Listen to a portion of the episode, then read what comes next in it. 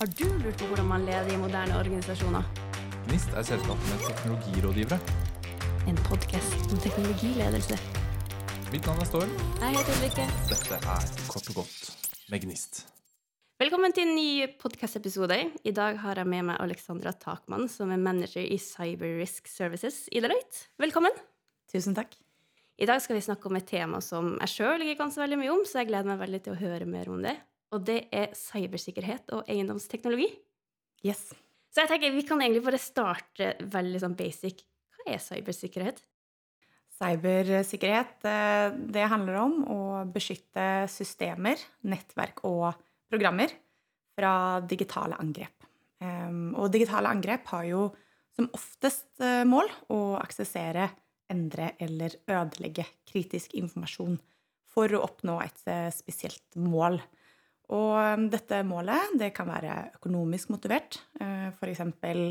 gjennom å holde informasjon som gissel for å presse en aktør for penger. Det er disse typiske løsepengevirusene som vi ser. Ehm, eller det kan være politisk motivert. F.eks. at man prøver å forstyrre eller stenge ned en aktørs forretningsprosesser. Ehm, ofte brukt innenfor terrorisme. Så hva er det som gjør at cybersikkerhet er så viktig i dag? Så alle organisasjoner eh, har jo et samfunnsansvar å beskytte dataen som behandles, eller som de behandler. Um, så man, hvis man er medlem av samfunnet i form av å være en organisasjon, så har man et ansvar for å sørge for at ens handlinger ikke påvirker andre negativt. Eh, beskyttelse av persondata er et sånt eksempel. Um, så hvis man f.eks. er et helseforetak um, som er avhengig av å samle inn pasientdata og oppbevare dem i IT-systemer, så har man et ansvar for å beskytte denne dataen. Um, og når man jobber med cybersikkerhet, så er man jo med på å bekjempe kriminalitet. Uh, ofte organisert kriminalitet. Gjennom å forhindre angrep eller å begrense skadene. og ved å også ved det så kan vi også da motvirke um, finansiering av kriminelle aktiviteter. Um, og dette er jo en katt og mus-lek, da, hvor, hvor uh, de kriminelle blir stadig mer kreative og sofistikerte i sine angrepsmetoder. Um, og vi som jobber med cyber, vi er jo nødt til å hele tiden lære oss mer, og også helst bli flere, uh, for å kunne stå imot disse angrepene og beskytte oss mot uh, de kriminelle. Um, vi lever jo i en verden i dag hvor vi er helt avhengig av våre IT-systemer og Internett. Så denne kampen er helt nødvendig å kjempe for å opprettholde den økonomiske veksten og velferden som vi har. Mm. Du var litt inne på det, men teknologien endrer seg jo ganske radig. Og hvordan har da fokuset på cybersikkerhet endra seg de siste årene? Ja, så som du sier, i takt med større og større digitalisering så har jo den såkalte angrepsflaten blitt større og større. Altså det er flere muligheter for cyberkriminelle å utføre et angrep når forretningsprosessene blir mer og mer digitale. Um, I dag er det jo flere dingser, altså devices, uh, enn hva det er mennesker i verden. Oh. Så, og bedrifter har jo et enormt press på seg for å utvikle nye og bra IT-løsninger raskt. Og dette kan jo da lede til at man kanskje tar snarveier. Um, ting blir uoversiktlig. Um, man har ikke kontroll over hvor man er sårbar. og dette gir jo da mulighetsrom for de som ønsker å påføre skade Eh, cyberkriminelle leter jo hele tiden etter hull, da. Mm. Um, og i tillegg så har jo vår nye hybride arbeidshverdag, som gjør at vi kan arbeide hvor som helst og når som helst. Um, gjort det vanskeligere også da å ha kontroll over IT og sikkerhet. Um, under pandemien, når ting var i unntakstilstand, så fikk vi jo gjerne kommunikasjon fra våre ledere, vår IT-avdeling, som avvek fra normal aktivitet. Denne avvikelsen fra det normale eh, ble utnyttet av kriminelle aktører eh, ved bl.a. såkalte phishing mails, da, som f.eks. Hvor, hvor kriminelle opp, oppgir seg for å være din leder eller din IT-avdeling. Spør kanskje om brukernavn og passord av en grunn som for deg virker helt legitim. disse angrepene er jo da veldig sofistikerte, og de blir bare bedre og bedre. Det er rett og slett veldig vanskelig å spotte dem. Så har du også inntoget av eh, IOT, eller Internet of Things. Eh, det er altså hvor fysiske ting styres av IT. Dette har kanskje gjort det lettere å se konsekvensene av et cyberangrep. Angrepene f.eks. på Mersk, Hydro og Nortura viser jo at de fysiske tingene faktisk ikke fungerer hvis man ikke har tilgang til IT-systemene. Så i f.eks. det angrepet på Mersk som skjedde i 2017. um, Mersk, verdens største shippingselskap, eh, ble rammet av, av, et uh, ganske alvorlig angrep. Forretningsmodellen til et shippingselskap bygger på at skip er ute og kjører på sjøen. Logistikk er ekstremt sensitivt for forstyrrelser. Dette angrepet førte til at Mersk sitt globale nettverk ble stengt ned på to timer. Uten IT-systemene så var det ingen som visste hva som lå oppi containerne hvor containerne skulle, eller hvor de kom fra. Um, ingen containers kunne lastes av uh, eller på båter. Uh, det resulterte jo i at skipene sto til kai. Uh, og taksameteret begynte å tikke ganske så greit. Ehm, dette, det ble så stor påvirkning at verdens bananpriser steg under denne perioden. Oi, er det sant? Ja, Så det sier litt om betydningen, da. Eh, og før hendelsen så var det ingen som tenkte at Mersk var et IT-selskap. Men, men, etter hendelsen så ble det tydelig at eh, de er svært avhengig av sine IT-systemer. Um, også angrepet på Nortura, uh, som jo en, er en av Norges største matprodusenter, viser også at verdikjeden for matforsyning er sårbar. Um, og når da um, verdikjeden for mat, elektrisitet, vann uh, Når hvis disse blir påvirket, så, så viser det at um, da vi, får vi veldig store konsekvenser i, i samfunnet. Så disse alt flere og omfattende angrepene har gjort at cybersikkerhet er løftet ut fra IT-avdelingen og uh, lagt langt opp på agendaen i styremøtene og hos uh, CEOs. Mm. Ja, for det er ikke bare rene IT-selskap som trenger å tenke på det. Det er egentlig alle som bruker IT. Som det er, stort sett alle. Det er stort sett alle. ja. Så det er det. Men eh, vi Altså, ny teknologi gjør jo at man kan løse nye problemer, og da har vi jo eh, blant annet klimakrisen, som, eh, hvor man da ser at man kan bruke teknologi til å løse deler av den. Men er det noen utfordringer knytta til sikkerhet som man bør være obs på? Ja, det er jo det. Jeg er jo også en av de som uh, er helt overbevist om at teknologi er en stor del av, løsningen på klimakrisen. Og vi i, uh, vi i, Cyber vi er uh, tilretteleggere for å få denne teknologien på plass. Vi, vi ser oss selv som bremsene på en bil. Man, vi, man har bremsene for å kunne kjøre fortere. Så vi er veldig pro teknologi. Vi er ikke noe party poopers som kommer og vifter med, med fingeren og sier nei, nei, dette skal vi ikke. Vi er veldig, vi er veldig pro eh, at man skal få det til, men vi er nødt til å gjøre det på en sikker måte. Hvis ikke så får vi problemer lenger ned i, eh, i veien. Um, og det kan være lurt da å ta en strukturert og risikobasert tilnærming til cybersikkerhet, hvor man først starter eh, med å skape innsikt Dvs. Si at man får kontroll på hvor man er sårbar, og hva som er viktigst å beskytte. Og dette henger jo tett sammen med forretningsstrategien til selskapet. Altså Hva er det man ønsker å få til, og hvilke prosesser er det absolutt nødvendig å ha gående.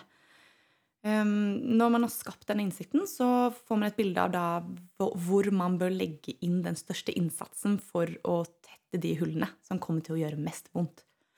Um, cybersikkerhet koster jo penger, som alt annet. Det er, det er, som en forsikring på mange måter. Så mm. derfor er det viktig å få innsikt i hvor man får mest igjen for pengene. Um, så til slutt er det også viktig å integrere cybersikkerhet eh, sånn at det blir en del av organisasjonen. Eh, og dette er jo transformasjonsledelse, som dere driver med i Gnist. Ja. Eh, det vil si, det handler om å skape vareendring. Ikke sant. Eh, en bransje som eh, det skjer litt ting i, er jo eiendomsbransjen. Og da kommer vi litt inn på det med smarte hus og eiendomsteknologi. Kan ikke du fortelle litt om hva som skjer der? Jo, eh, eiendomsbransjen er jo mange ganger blitt kalt 40 %-bransjen. Det vil si at bygg, anlegg og eiendom eh, står for 40% av globale CO2-utslipp og 40% av verdens avfall. Det er ganske mye, det. Det er veldig mye. Eh, bygg, anlegg og eiendom er også Norges største fastlandsnæring. Eh, det er altså en lite digitalisert bransje. Eh, det er en disproporsjonal investering av klimateknologi i eiendomsbransjen i forhold til hvor mye eiendomsbransjen forurenser. Eh, for eksempel så har man eh, gjort mye infotransport, transport, men eiendomsbransjen henger altså litt bakpå her. Det er rett og slett store muligheter for forbedringer når det kommer til teknologi og bærekraft i bransjen. En, annen, en, stor driver nå er jo EU-taksonomien. Uh, det, er vel, det er vel de aller færreste som ikke har hørt om den, men, men bakgrunnen for EU-taksonomien er jo EUs Green Deal, uh, som jo er en vekststrategi som skal gjøre Europa til den første klim klimanøytrale regionen i verden innen 2050. Eh, dette betyr i praksis at eh, store selskaper i løpet av 2022 er nødt til å begynne å definere og rapportere hvor bærekraftige deres aktiviteter er i 2023. Eh, og hvis man klarer å vise til bærekraftige aktiviteter, så vil man kunne få tilgang til såkalt grønn finansiering, som jo vil være billigere enn annen finansiering. Så det er mange store insentiver her til å, til å gjøre noe. Så på bakgrunn av dette og andre driver også, så, så er det mye som, som, har skjedd innenfor eiendomsteknologi, eller proptech, som det kalles i bransjen, eh, de siste årene. Eh, proptech står for Property Technology. Um, og um, det har begynt å poppe opp mange kule norske startups som på ulike måter ønsker å adressere klimautfordringene i eiendomsbransjen uh, med teknologi. Vi har f.eks. et selskap som heter Varing, som um, skal sette på bærekraftig eiendomsdrift Modulize, som satser på offsite-konstruksjon av moduler. Som da gjør det mye billigere å produsere offsite og så shippe på, på siten. Så har vi et selskap som heter Sunday Power, som ønsker å selge solenergi as a service. Eh, de, de, altså bygge, de bygger, eier og drifter solcellepaneler og setter dem på alle byens tak. Og så selger de strømmen tilbake til leietakerne i bygget.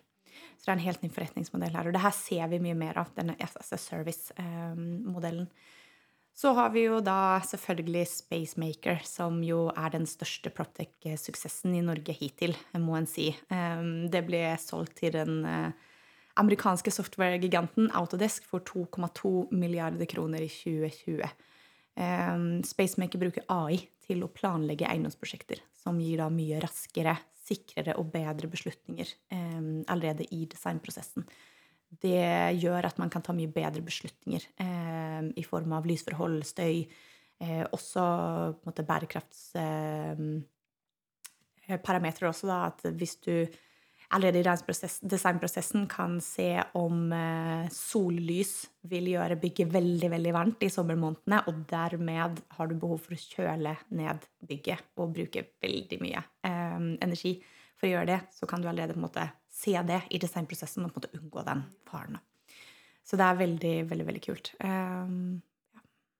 Men hvordan muligheter er denne teknologien gjør? For det er jo mye kult man kan gjøre knytta til ja, smarte hus og bruke data til å faktisk navigere og styring av, av drift. Ja, det er, eh, det er, vel uendelige muligheter, eh, kan du si. For ved utstrakt, som du sier, ved utstrakt bruk av teknologi så vil du kunne ta datadrevne og bedre beslutninger. Eh, ved bruk av f.eks. sensorer så kan du samle inn real-time real data eh, om byggets tilstand og hvordan det brukes. Du kan f.eks. Eh, drive en mye mer effektiv og optimal drift eh, ved hjelp av en digital tvilling. Hvor du da f.eks. kan teste ut forskjellige scenarioer digitalt, og også da predikere driftsbehov. Eh, så kan du også gi gjøre bedre brukeropplevelse for de som bruker bygget. Eh, så du har den her kjente use casen med at hvis bygget allerede kjenner deg igjen når du kommer ned i lobbyen, eh, allerede begynner å, begynner å, varme opp plassen din som de skal sitte på fordi du har stilt inn at du vil ha ekstra vern på plassen din. Den begynner å brygge favorittkaffen din på, på uh, maskinen. Den kanskje kjører ned heisen til deg i lobbyen. Altså alle disse tingene her. Um, og så har du også da effektiv SG og bærekraftsrapportering, eh, som jo er drevet av EU-taksonomien, som, som, jeg snakket om tidligere. Um, men ikke minst så vil jo denne innsamlede dataen potensielt sett kunne bli en gullgruve for mm. de som sikrer seg rettighetene til den. Ikke sant. Men er det noen utfordringer knytta til det her, da, med smarte hus og eiendomsteknologi? Ja, det er jo eh, det. Er jo det. Der, eh, der, hvor det kommer muligheter, så pleier det også å komme risiko. Eh, det kommer hånd i hånd. Ehm, først og fremst så kan det jo være en risiko rundt integrasjonen av alle disse systemene og sensorene. Altså, det er jo ikke bare bare å sette opp 10 000, 20 000, 30 000 sensorer i et næringsbygg og så forvente at dette skal rusle og gå det er en ganske stor, eh, ganske stor, integrasjonsprosess som skal gjøres der. Sørge for at dataene og sensorene snakker sammen, og at man kan få ut noe verdifull data. Og at man kan utnytte dataen på en hensiktsmessig måte. Så har du eh, det som går på å sikre seg rettighetene til denne dataen. Da. Eh, det er hvis du, hvis du, som en eiendoms... Altså en utleier, en gårdeier, setter inn og installerer masse sensorer for at du skal få datadrevet, eh, kunne gjøre datadrevne beslutninger, så er du også nødt til å sikre at du kan bruke den.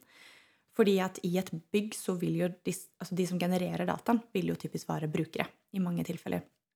Eh, det vil også være eh, de systemene som kanskje de som drifter bygget, har satt inn.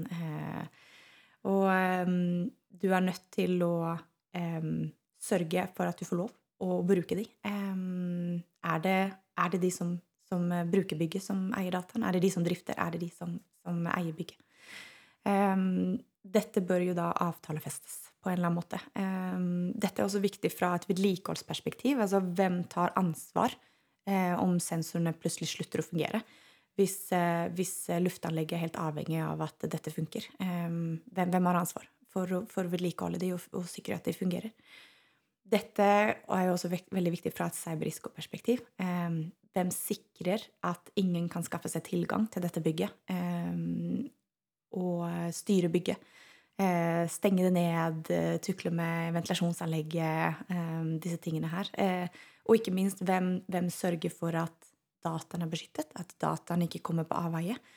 Dette kommer man også fort inn på, på personvernregelverket og GDPR. da Um, og som jo kan gi store bøter hvis man ikke følger. Um, fordi det å samle inn data um, Det kan i mange tilfeller være helt legitimt. Altså et, altså en av hovedprinsippene i GDPR er at du skal ha et, et, formål for å samle inn data. Du kan ikke bare på en måte samle inn data, og så kanskje skal du bruke det til noe. Du må ha et helt bestemt formål. Um, og det er klart at skal du monitorere luft eller skru av og på lys og sånn, så trenger du gjerne ikke å samle inn persondata. Men adgangskontroll, f.eks., er da er det ofte nødvendig, ofte nødvendig å samle inn persondata. Og da er du nødt til å, til å um, ivareta de personvernrisikoene som dette innebærer.